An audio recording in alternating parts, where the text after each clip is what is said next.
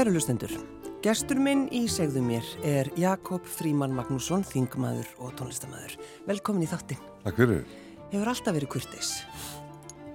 Ég man nú ekki eftir nefni ókurtis í sérstakri. Það var þá einhverjum vísutandi prakkaraskap en ég var alveg upp af koskefni og af sjentilmannum sem að ég nú ekki verið að hafa verið hefnari með föðu mínu Magnúsi Guðmusinni frá Hvítarbakka og uh, Jakobi Frímansinni á Akureyri, afa mínu sem að ég var nú dvaldi með fyrstu árin meðan fólkra mínu voru í bandaríkjónu starfandi. Já. Þannig að já, ég held að ég sé nú bara þokkala kurtis að öðlisvari. Var afiðinn þannig? Var hann, þú heyrðar hann aldrei? Nei, alg, það var einhver jafnlindasti blíðskapar maður síðan nokkur sinni genist aldrei það var einu sinni sem að hann mun hafa uh, orðið uh, já, við skulum segja reyður í votta viður vist Ah. það var þegar að já, við skulum segja Ölkær uh, myndlistamæður og akkuriri var að gera hósu sína grænar fyrir móðu minni, Bryndis Jakobsdóttur og vildi ekkert með hann hafa Mm. En hann náði að smegja sér inn um glugga í kjallaranum á þingvælsæti 2 og, og ætlaði þar að, að, að efna til faðumlaga og hún uh, hrópaði og skipa hann að fara út og hann hlýtt ekki. Og kauflastjórun heyrði þetta og hefði henni gegn niður. Og það var sagt að þegar hann reytist að þá jörð skólfið þá sjaldan og myndlistamæður náttaði sig að því það rann af honum skyndilega, hann náttaði sig að því að var engin valkastur annað en að heipja sig. En hann ákvað samt að, að, að, að heipja sig með stæl ræsti sig hressilega og rækti slummu sem að endaði á enni kaufélagstjólans en lokaði síðan fast og eftir sér og kom ekkit meir Og hugsaði að þú veist, það var einu sinni, þú getur að bara, þetta, þetta var bara rætt hannig. Það var, e- það var eitt annað skipti sem að, sem að þetta mun hafa gæst en aldrei, aldrei, það var löngu fyrir mína tíð sko. Já, já, já. já. Það var alveg dásanlega maður og þeir báðir. Ég mann hins vegar mjög óljóst bara eftir að hafa hitt föðurafa minn í tvígang. Mm. Annars vegar þegar hann kom til Akureyrar að hitta kaufélagstjórn, þeir voru miklu kaufélagsmenn báðir og um, þá var ég með 40 stíga hitt og ég sá það á að voru vomandi yfir mér svona, sjá hvernig ég hefði það með 40 stíga hitta. Þannig að það var svona psychedelisk minning. Og svo mann ég einu sinni eftir þegar ég var fjár ára að gangað upp á Kvítarbakka frá úr fjósinu í átt að, að húsinu, íbúrhúsinu sem hafði nú áður verið í eigu baránsins á Kvítarvöllum og hafði verið tekið sundur og flutt á sleðum upp með Kvítáni og reist þarna og stendur enn og þá mann ég eftir að hafa gengið með föður af mínum Guðmundi Jónssoni á Kvítarbakka, repstjóra og svo var hann bara allur skömmu síðar ég harma það að hafa ekki kynst honum betur en ég mun vera líkur honum að mörguleiti. Já, já, þér er semst sagt það. Já, mér er sagt Já. það, já. En þessi ár sem þegar þú, uh, Jakob, ert fyrir norðan hjá afaðinu mömmu, Já, um, hvernig var svona lífið þar? Það var nú bara bjart og fagurt uh, í menningunni, óskaplega gott að allast upp hjá þeim, Mm. soma í honum. Ég fylgdi afa á hverju mótni, vöknuði snemma, hálf sjö og farin í búr uh, kjallaranum. Þetta var búr, náttúrulega fólk sem hafði upplifað tvær heimstýraldir og var undir það búið að svo þriðja kynna brest á og þá var búið að, að raða upp, sko, stapla upp dósamat í mörgum skápum. Og meðal þess sem að var þar í einu skápi var tómatsafa svona dós eða dósir. Afi var með háar magasýrur og stundum með brjósuða þannig að læknirinn hafði ráðlátt að fara í fá sér alltaf tómatsafa mótnana. Já, Þannig að við byrjuðum dagi með römmum tómatsafa. Og nafnarnir, líka? Já, já. Og svo var farið að stað, Já. ekkin er að bryggju og hitt eh, sjómenn að koma að með ablan og, og svo heilsaði upp að haug í fristuhúsinu og svo var farið í kjötvinnslustöðina og svo var farið í, í, í skipaútgerðina þarna og svo var farið til Jónasar í mjölkursamlæginu og svo var farið í öll útibú kea og heilsaði upp á yfir mennina. Já, og svo var farið upp að gefju niðurni þannig að glerar eiranum, það sem að netto stórmarkaðin er núna. Akkurat.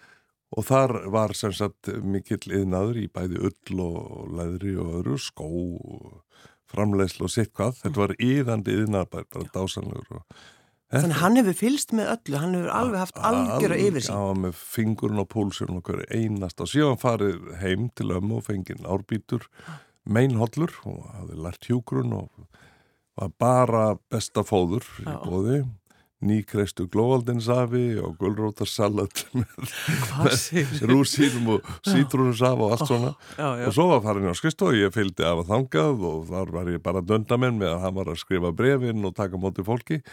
Á slæginu kortir við tíu var skundaði við göttuna yfir á Hotel Kea og þar var tekið morgunkaffi með öllum helstu leiðtógum höfuðstöðvana og, og þá var bara svona kefti hver sinn kaffibotl og spurt um, hvernig er með, með hérna, fjármálustöðuna, er búið að innhemtan á þetta, er bókaldi í lægi og allt þetta.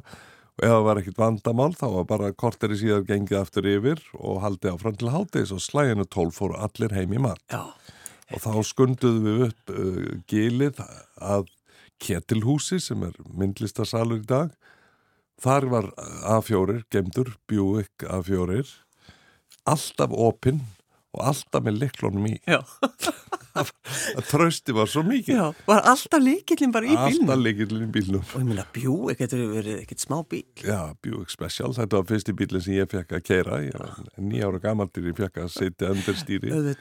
En allavega þá var, var... Sagt, trösti svo mikið að það að honum kom ekki til hugar, korki að nóttunni degi að nokkur myndi voga sér að, að fara að stela bílnum. En svo var mjög algengt að menn banguð upp á svona kvöldin eftir kvöld að fá kaufélagstjórn til að skrifa upp á að kaupa sér bíl eða einhverju starfsmenn eða jafnvel íbúð já. og alltaf kvitta hann upp í ámennum. Saðin alltaf já. Alltaf já, já. treystiðin Þetta opin að þessum fólki var náttúrulega voru starfsmenn. Já, þannig að þá var bara saman um það er dreigið svo, svo mikið frá okkur í mánuð til að niður greiða lánin en þetta var, og svo var hann þetta fórsett í bæjastjórnar hann var fyrir framsókn áratugum saman eftir maður að lista. Mm. Og, og svo spurði hann eitt uh, því að það voru svo mikil störf svona af ólíkun toga. Afi hvað er þetta í mörgum stjórnum? Já.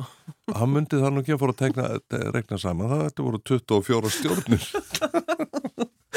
Margar síst tengdar, það var náttúrulega stjórnaformaður síst, þesta fyrirtækis Íslands söguna, saminutryggingar og flugfélag Íslands sem var flugfélag Akkurir sem hann stopnaði með fleirum og varð síðan Æslandeir og Ég hef nú notið þess mjög held ég að hafa verið eh, nafni og barnabönn stofnandans Æslandir hefur gert allt sem ég hef beðað um allatíð. Já. Ég flutti 1024 listamenn til Breitlands og Evrópu þegar ég var menningafulltrúi á, sko, bara með því að borga flugarlaskattana. Já, já, bara á spotprís. Ég held að það hefur verið Jakob Frímansson bak við tjöldi. Já, en Jakob Fríman, hvað hefur þú til dæmis verið í mörgum stjórnum? Já, það getur verið nokkuð tíma frekar að telja það upp hérna. Ég var nú settur í fyrstu stjórnsíman eftir. Það var nú sennilega, það var þegar ég var 12 ára um, og fór í líðaskóla, gagfræðaskóla. En þar voru nefndur sem 13, 14, 15 og 16 ára.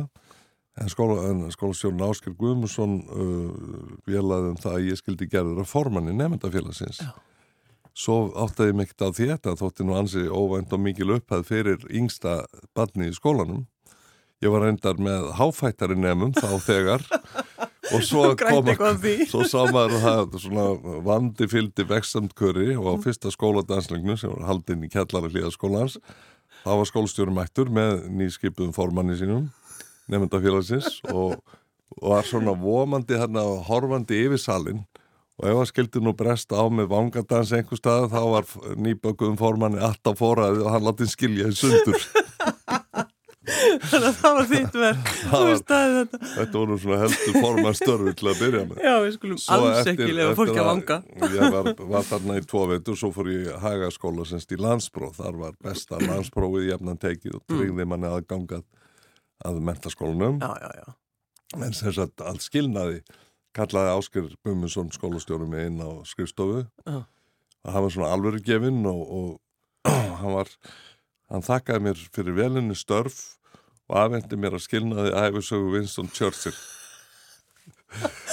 Áttu bókinu þetta? Já, já, já, við hefum verið perlu vinnu síðan og þekki bæði konunas og bönninas og barnabönni Ásker Guðmundsson nafni hans hefur verið uh, í svona allskins viðbörðhaldi gott ef ekki með hérna já, einhvern veitingastað þarna maður mað tekur alltaf eftir honum, hann er alltaf skröðlegur alltaf já, já. Já.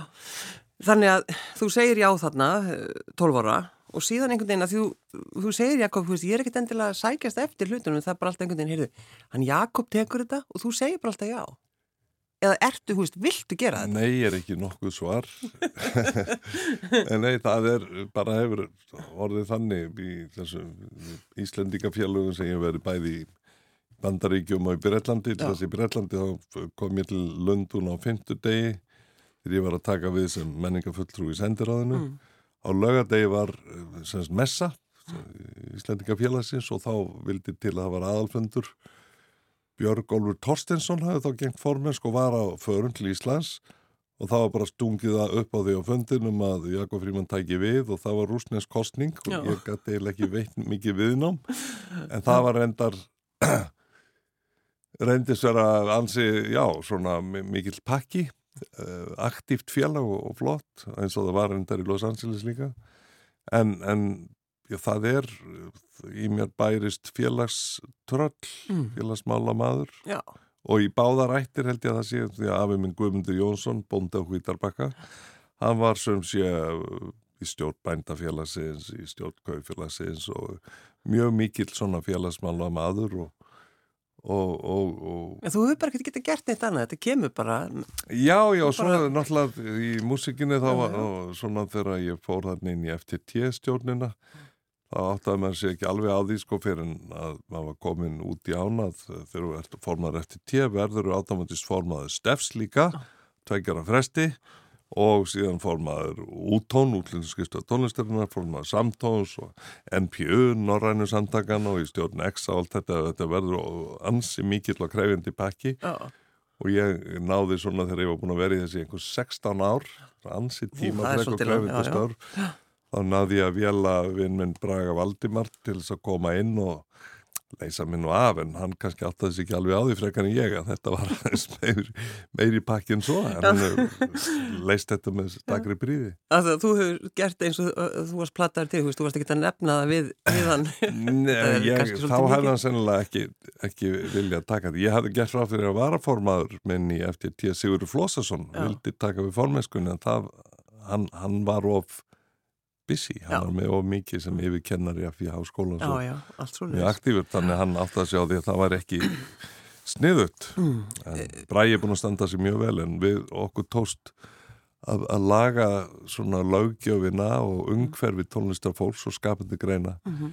mjög til betri vegar á þessum árum já. og maður er mjög þakkláttur þeim einmitt stjórnamannlamönnum sem að maður hafi átt að sjá að þýtti ekki að gera rópa við að tala eh, til með neikvæðum niðrandi hætti mm. heldur þvert á móti, rækta bara samband og setja hlutina fram með einföldum myndrænum hætti. Höfundaréttur er alltaf flókið eh, sko, um fjöllunar efni og það er ekkert sjálfgefa menn skilji það eða viti hvað í því fælst þannig að við byrjum á því að menta þingmenn og ráðamenn um höfundarétt og um hvað þetta snýrist og nú er svo komið að við getum sagt að Íslandika búa sannlega einhverju bestu lögjafi heimi. Mm fyrir einmitt höfundarétt. Þetta hefur breyst mjög mikið. Mjög mikið já, og fyrir, þú veist, eins og endugreðslur, hljóðrita, mm. Eh, fyrsta landi í heiminum og eina enn en sem komið er sem að býður upp á það og það er lagað að hinga ótrúlega um fjöldaverkefna. Ég man bara eftir Jakob Fríman þegar þið fóruð eitthvað að tala um, þú veist, að það er ekki þetta að vera eitthvað að spila okkar tónlist bara út í kosmósið og, og við fáum ekki tverir. Ég man eftir því, það, veist, þá já, var verið að spila í einhverjum bara búðum og svona. Já, já, neini, þetta er, er bara svona viðröndi verkefni að, að höfundaréttur eins og við þekkjum hann er kannski 200 ára gammal rúmlega. Mm, en hann er ekkit innleitur í öllum landum heims nei, nei. í dag en, en hefur smásam verið að fjölga landum eins og Indland og Kína og svona stóru landum sem að, sem að fannst þetta að vera mjög framhandleg hugmynd. Já, en, en sko það sem að, það sem að ég held að við skipt sköpun til þess í því að, að að breyta hugmyndinu um höfundarétti sem er eignaréttur mm. stjórnarskrávarinn. Alldamis, ég notaði dæmisögunum tvo bræður sem að fást við að smíða, annars smíðar og hefðbunnu byggingarefnum, timbri, sementi, gleir á stáli, byggir íbúðir sem að síðan leigir út og, og, og af leigutekjunum borgar af 22% fjármastekjuskatt. Hinn bróðurinn smíðar úr öðrum byggingarefnum, tíðinisviðin tóna, orða og jafnvel mynda og byggir upp sinn katalóg og hann á höfundaréttin og ef að lag er sett í leikrit eða kveikmynd eða auglýsingu eða bara út af spilun þá er það uh, leiku tekjur hann á höfundaréttin og þetta er afnóta gjöld og það var uh, á fyrsta uh, degi þessa áratugar fyrsta janúar 2020 gengur gildi lög sem að gera hugverk jafn gild segjum treverki mm -hmm. intellectual property versus real property ef við slettum hér á henni helgu ráseitt að þá, þá gengur í gildið sömu lög semst að eigandu höfundaréttarins borgar leigutekjur eh, fjármastekjur skattar leigutekjur sínu rétt eins og hinbróðurinn sem að leigir út íbúður Já, já, Huglæg og hlutlæg mm. eign skal að jöfnu lögð og já. þetta Mánu Bjarni Bendit svo neyga okkur skuldlist að hafa komið þessu á eftir að hafa séð fyrir sér myndir af bræðurum. Já, en um, þú ætlaði að vera bondi á einhverju tjómbiri? Ég var auðvitað í sveit eftir að hafa verið hjá Afam og Akkur fyrst árin þá vann ég á sumrin eh, alltaf og dvaldi þar í þeim dýrðar náðar faðmi þegar góð hjóna og svo þegar ég var aðeins og neldri byrjaði að vera í sveit á Hvítarbakka mm. Og svo fór ég eh, 13 vetra til Damörgur á Bondabæ á Hænsna Búgarð að nefna búskaprætti og dönsku kom allmæltur tilbaka að hösti og svo fór ég til Þískalands að læra Þísku á Bondabæ Já þannig að þú varst í, al, svona, já, í alvöru svolítið Já, já, og svo fór ég til Skotlands og, og lærði ennskunna þar já. og er nú jafnvígur á ennsku og íslensku eh, eftir að hafa líka dvaliðar mm. Eh, í Breitlandi og í Bandaríkjum þannig að þá hérna kom nú að raunveruleikanum raunveruleika íslenska bóndans mm -hmm. og það var svona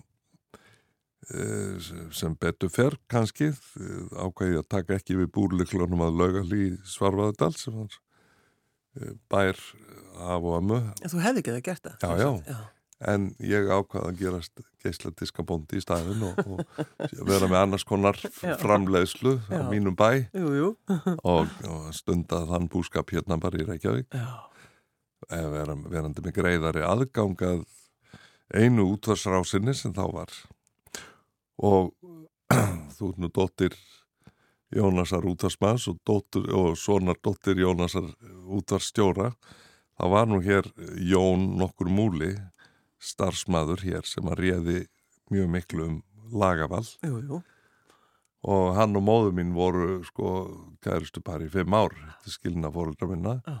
ég er nýbúin að átta mig á stóra samingi lutana hvers vegna stuðmenn voru spilaðir í kvílikar tætlur hér frá fyrsta degi alveg gegnum tíðina. Og síðan soloplötur mínar eins og Horti Róðan sko með langa instrumental opusa þeir fengi að hljóma hér alveg hendalust í morgun útvarpi hjá, hjá, hjá múla? Hjá múlanum sko. Ég bara, ég var, hafði ekki öðlast nægan þróskallast átt að með á samingi hlutan á þeim tíma. Ég gera það sannlega núna og við nota þetta takk bara þakka Jóni Múlu Atna svona karlega fyrir mína útvarsfræð alla á Íslandi Já. fyrir og nú. Þetta er svolítið gott. Mm. um, hvað með stuðmenn? Þeir hætta náttúrulega aldrei? Nei, nei, við, við erum uh, fungerandi hljómsveit allt árið en, mm. en uh, en veljum okkur svona staði og stundur til að spila en, en það er mjög ríkur og mikil dampur mm. í, í sveitinni og Egil Ólarsson kom nú fram með okkur uh, í fyrra sumar mm. og alltaf að vera með okkur núna í haust ekki fyrra sumar, núna bara í sumar, í júli þá en síðan eins og kunnet er þá þá hérna setti Parkinson stryk í reikningin og þar með við vorum að aflýsa núna í síðasta mánuði tónleikum í hörpu og, og víðar. Mm -hmm. en, en hljómsveitin heldur þetta áfram og ég er eh, ég fekk nú eil í stúdjó til minn í síðustu viku, síðustu helgi. Og eil er náttúrulega ótrúlegu listamæður og þó að röttin sé ég leið mér að vona tímabundið tekin aðeins niður að þá er komið svona nýrött lægri og, og svona dáliti rámari ja. en afar áhugaverð í hljóðverinu þá hljómaði þetta á stundum eins og bara uh, Múhammed Stúamadur á nýjundu öld í Magadóni að sinna bænakalli Já. það var miklu áhugaverðar í sönguröldheldur en maður hefði búist við bara frá Íslandingi á 2001. öld mm. Þannig að ég er að gera mig vonur um hann er bæði mjög flinkur hljóðfæralegari, slagvegsmaður og, og hann geti komið fram með okkur áfram þó hann kannski mun ekki flytja sko sín frægustu lög með þeim hætti sem hann hefur gert. Mm. En ég bara, ég er bjart sínismadur og ég held að það séu stoppfrumur lækningar eh, aðferðir og leiðir núna sem muni sko geta fært þennan sjúkdóm tilbaka. Mm. Það er vonin sem margir halda í og ég þarf með. Ertu yfirleitt svona bjart sítt maður, Jakob Fríman? Mjög svo. Já, hefur, hefur alltaf verið þannig? Mm -hmm. Alltaf og, og, og sem betur fer yfirleitt eh, hefur bjart sínin ræst og það getur maður nú ekki þakka annað en bara einum góðu vætum sem að eh, ég trúi á að séu þannig allt um likjandi fylgja okkur. Ertu sendum hissa á því svona hvar þú stendur í dag, hvað þú ert? Já, fyrst og náttúrulega mjög þakkláttur.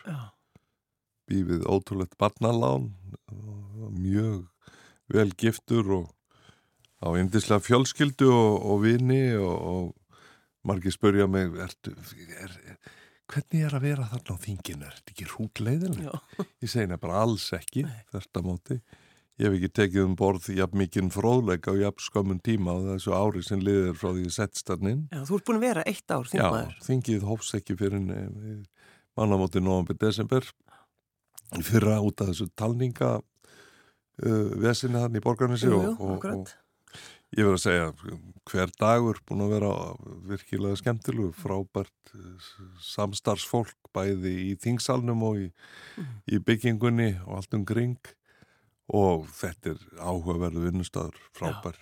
En ertu sko að því, við töluðum um það í byrjun, þú veist, með kurteisina, þú ert alltaf svo kurteis, það hlýtur að hjálpa þér á, á þingi því það eru svona alls konar reglur sem við þurfum að fara eftir. Já. En þú veist ekki, þú veist ekki alveg, þú ert ekki búin að, þú ert ekki búin að læra þar allar, Jakob.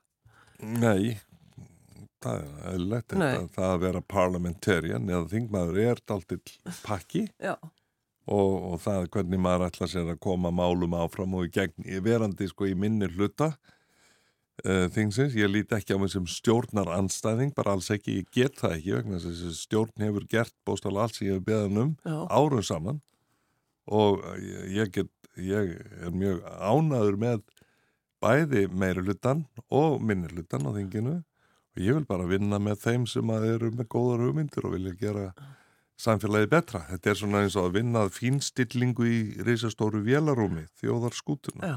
Viðvarandi verkefni og okkur hefur vegna vel í svo mörg og ég trú okkur vegna vel við það að megin verkefni flóks fólksins að koma þessari tíund landsmanna til betri, betra lífs. Mm.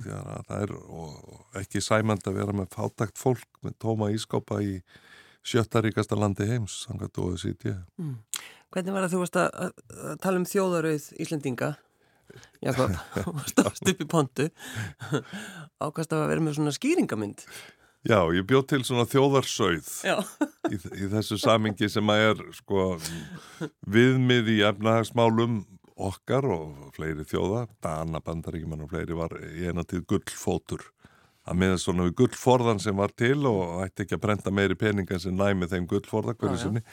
Nema hvað, hérna, nú er það ekki lengur viðmið, heldur meira bara svona tröst á efnagskerfi og stjórnafari þannig að ég bjóð til til þess að sína fram á hvað við værum vel auðug og vel sett. Ekki með gullfót heldur var ég með þjóðarsauð sem var með gullfót sem ég let eh, tók nú gula litin úr alltaristöflum Jésu Kristur með gula áru það var í hugverka yðnaðurinn, allt hugviti sem að hér blómstrar bæði forritum og bókmentum og lagarsmiðum og öllum, allir nýsköpun. Það er 17% útlýtnisteknar svo tók ég bláanfót sem að taknar Silfur Hafsins mm. heiminn bláa og svo grænfót, græn orkan rauðfót, túrismi og önnur, önnur starfsefn í landinu og allir þessi fætur er að stækka og gildna og þjóðarsauðurinn allur. Já. Og ég var bara að nota þetta sem til að útskýra mál mitt að því að manni gett ekki kostur á að fara með farsímanna tölvun í pontu og varpa upp á vegg á skjávarpa eins og Nei. maður gerir öllum öðrum fundasölun landsins. Já, þú mátt það ekki. En það má ekki þannig, nei, ekki enn sem komið er. Ég mun ekki hætta fyrir en það verður. Og allavega því að ég fór þá bara með mynd upp í pontu af þjóðarsöðun til að sína hvernig hann liti út og hversu glæstur hann væri. Hvað við ættum mikla von. Þjóðarsöðurinn glæsir, eins og ég nefna hann. Ram of Iceland. En allavega ég ætla að, að framleiða bóli með þjóðarsöðunum og selja uh, til styrta fjölskyldu í Hálp Íslands. Það er nýbúið að teikna, ég fekk Gabrielu Friðriksdóttur meðal annars. Nú ert ekki, ég held að þetta veri brandar. Nei, nei, nei, nei, þetta er, þetta, við, þetta, við byrjum á þessu næsta ár og svo fer þetta í að kosta matargjafir sem að vandar upp á og séu nægar hjá fjölskyldu hjálpinu og fleiri hjálpastofnunum. Já, já. Þanga til við erum búin að ná því markmið að fólk þurfi ekki að sækja sér slíkar gjafir. En, en þjóðasöðurinn er allavega svona tákmyndum, já eins og einhverstu að segja, táknum gæði. Já, táknum hvað samfélagið er vel sett allir nema þessi 10% allir nema þessi kannski 30.000 mann sem eru þarna. Já, utangast nánast og það er ekki sæmandi velmögunar þjóðins og okkar. En þú sýndir blaðið Já. og þá gerðist hvað? Já, já ég, ég, ég var ávittur fyrir það að það- má ekki vera með svona hjálpargögn í, í pontu. Ég vissi það ekki. Nei. Nei, nei, ég endar ég ungur og vitlaus þingmaður, nýr á þingi og, og ég bara með, hafði ekki hugmyndaflug í það, það mætti ekki. En ég sagði nú strax þá þegar fórseti bendi á þetta að ég myndi þá koma bara í ból þjóðasönnum næstið þetta ræða og leggja út af honum. Og, og tala um væna flýsa feitum sögð er fjalla gekka hólur mm. En þegar þú ferð Jakob Fríman, þegar þú talar um þú þú ferð í all þú veist, vilt ekki kannski endilega fara í pólitík en ferð í pólitíkina og þú hefur fjóra vikur til þess að fara í kostningabaratu Já, Inga Sæland ringdi mig bara og, og gekk það? heimtaði það að nú var ég eftir að hafa náð góðum árangri að, að, koma málum svona eina skapandi greina í gegn Já, þá bentum mér á þennan, þetta samfélagslag sem eru þessi sem eru, þú veist, hafa unnið sér það til saka, hafa orðið 67 ára eldri mm. Eða hafa ekki orku til að vinna, öryrkjar eða þeir sem lendi í slísum eða bara reynlega lendi í fátakt Mm. og eru fastir í fátakra gildru, fjölmargir þúsundir eh, mistu heimili sín í, í rauninu og hafa ekki náð sér á stryk Mm.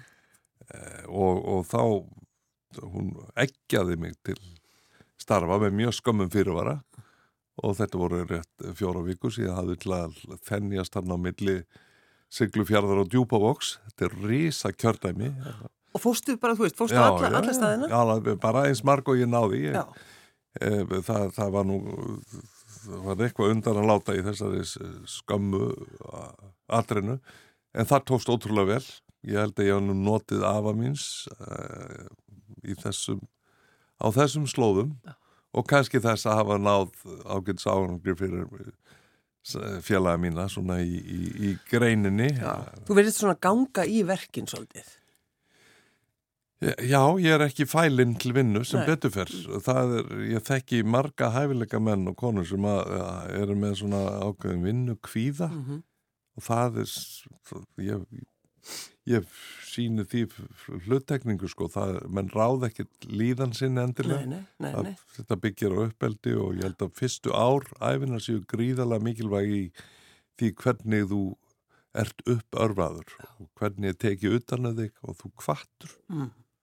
og inn, innblásin svona til, til verka og, og ég er bara heppin að því leiti ég fekk það og hérna uh, þess vegna kvíði aldrei neinu og ég ég uh, er, er svo lánsamar að hafa aldrei fundið fyrir kvíða eða þunglindi en ég þekki ótrúlega marga sem glíma við það. Og já, mér þá ósk heitast að við finnum eh, komumst að svona eh, rótum þunglindis, hvað er það sem veldur þessu? Vegna þess að Jújú, ytri aðstæður geta valdið ímsu, áföll í lífinu og svona, en svo er eins og að sé einhver efnafræðilegur kvati sem að leiði til þess að fólk fær þessa tegund af, af veiki reglulega, mm -hmm. oft á ári eða stundum á ári og líður þá bara óbærilega. Og það er mikið til að livjum, til að sefa enginnin, en, en lítið til af uh, leiðum eða ráðum til þess að fyrirbyggja þetta. Já. Það finnst mér vera forgangsmál og ég gerir mér vonur um að það sé vinna að fara af stað við nákvæmlega þetta að komast að rótum þunglindis og kvíða. Ertu þá til dæmis að tala um þetta á þingi, Jakob, eða hvað? Eða, já, já, ég, ég, ég fór uh, á samt Agli Ólasinni og Ágústi Guðminsinni á, á hérna, síningu á stöðmannasöngliki borgarfyrði núna í sömar mm. og Viku síðar var einn aðaleikarin í síningunum búin að taka lífsitt. Ungur maður frá sex börnum, foreldrum og eiginkonu. Ég hef fengið til að koma upp í Reykjolt og halda tónleika, svona minningartónleika og full kirkja og ég var bara með flílinn og hljóðnefn á vopni. Mm. Safniðum fullt af fér til að, að styðja þessa fjölskyldu og þetta var haldið af minningarsjóðum annan ungan borgferðing sem hafi tekið lífsitt bara 20 eitthvað ára mm. og þetta var svo, ég var svo lengi að jafna mig eftir þetta þetta var svo erfitt og átakanlegt að hitta eh, börnin og fjölskyldurnar þarna eh, eftir þetta. Ég eh, rætti þetta í þingi við veist helbriðisráð þeirra Vilum Þórs, hann frábær maður. Og hann sagði við skulum bara fara í þetta. Mm. förum og rannsökum reynum að komast á rótum þunglindis í staðan fyrir að, að sefa enginin og það sem að meðal annars hefur komið í ljós eftir að maður fór að, að beina huganum að þessu er að sko sum þunglindislif auka á sjálfsvíks hugsanir, hugsaðir það verður að gefa fólki lif sem auka líkurnar að fólk taki lífsi það er eitthvað gali við það. En þetta er allt of lítið rannsakað út frá því bara hreinlega kannski að vera eitthvað setja upp á vegg einhver fimm likilorð um það sem þú skildir varast annarkvæmsver eða bera þig eftir. Mm. Við vitum, þú veist, reyfing og hotfæð og allt þetta, já, já. en það er eitthvað meira þarna. Það er mm. eitthvað efnafræðil tengt, eitthvað hormóna eða yngirla tengt eitthvað. Við vitum ekki ennþá hvað það er en ég vonast til þess að það megi komast nær sannleikan með þeim efnum og fækka sjálfsvígum. Þau eru allt og allt og mörg hérna hverju ári. Mm. Jakob Fríman, þú uh, sendi mér lag og þetta er gaman að hlusta það í morgun þegar að, að myrkrið og við langum svo að vita af hverju veluru þetta lag? Já, það, ég vel þetta nú bara vegna þess að ég þóttist vita að þú myndir uh, vikjað gloppum í þingstörfu mínu, þetta með þjóðarsauðin í pontu. En, en þetta lag sem ég sendi er, er eitt af lögunum sem ég ólst upp við á mínu heimili. Og þetta er nú lag eh, og ljóð eftir forföðuminn Eirik Eiríksson og skeiðum frá þenn tíma þegar var verið að flytja út eh, íslensku sögðina til eh, Breitlands til átu þar og þetta sögðasalan til Breitlands við var sendt á 19. öld. Já, þeir voru bara send, já Já, þeir voru sendir úr landi, feitust og bestu sögðir Já, auðvitað. Og þá yrkir Eirikur Eiríksson sé ég eftir sögðunum sem að koma fjöllunum og jætnir er í útlöndum. Áður fyrir á árunum ég fekk bit af sögðunum, hress var þá í huganum, en er nú er komið annað snið, er mér næstum hryllir við að lepja í sig léttmetið. Skinnklæðin er ekkert í, ull og tólk er fyrir bí, sögða veldur salan því. Og þetta sungu fósbræður, hans föður míns, um, fárum rómi alveg frá því ég mann eftir mig. Já. Við skulum hlusta á það. Jakob Fríman Magnússon, þingmaður og tónlistamæður. Takk fyrir að koma. Ja, ljúft og skilt, takk fyrir að bjóða mér. Yeah.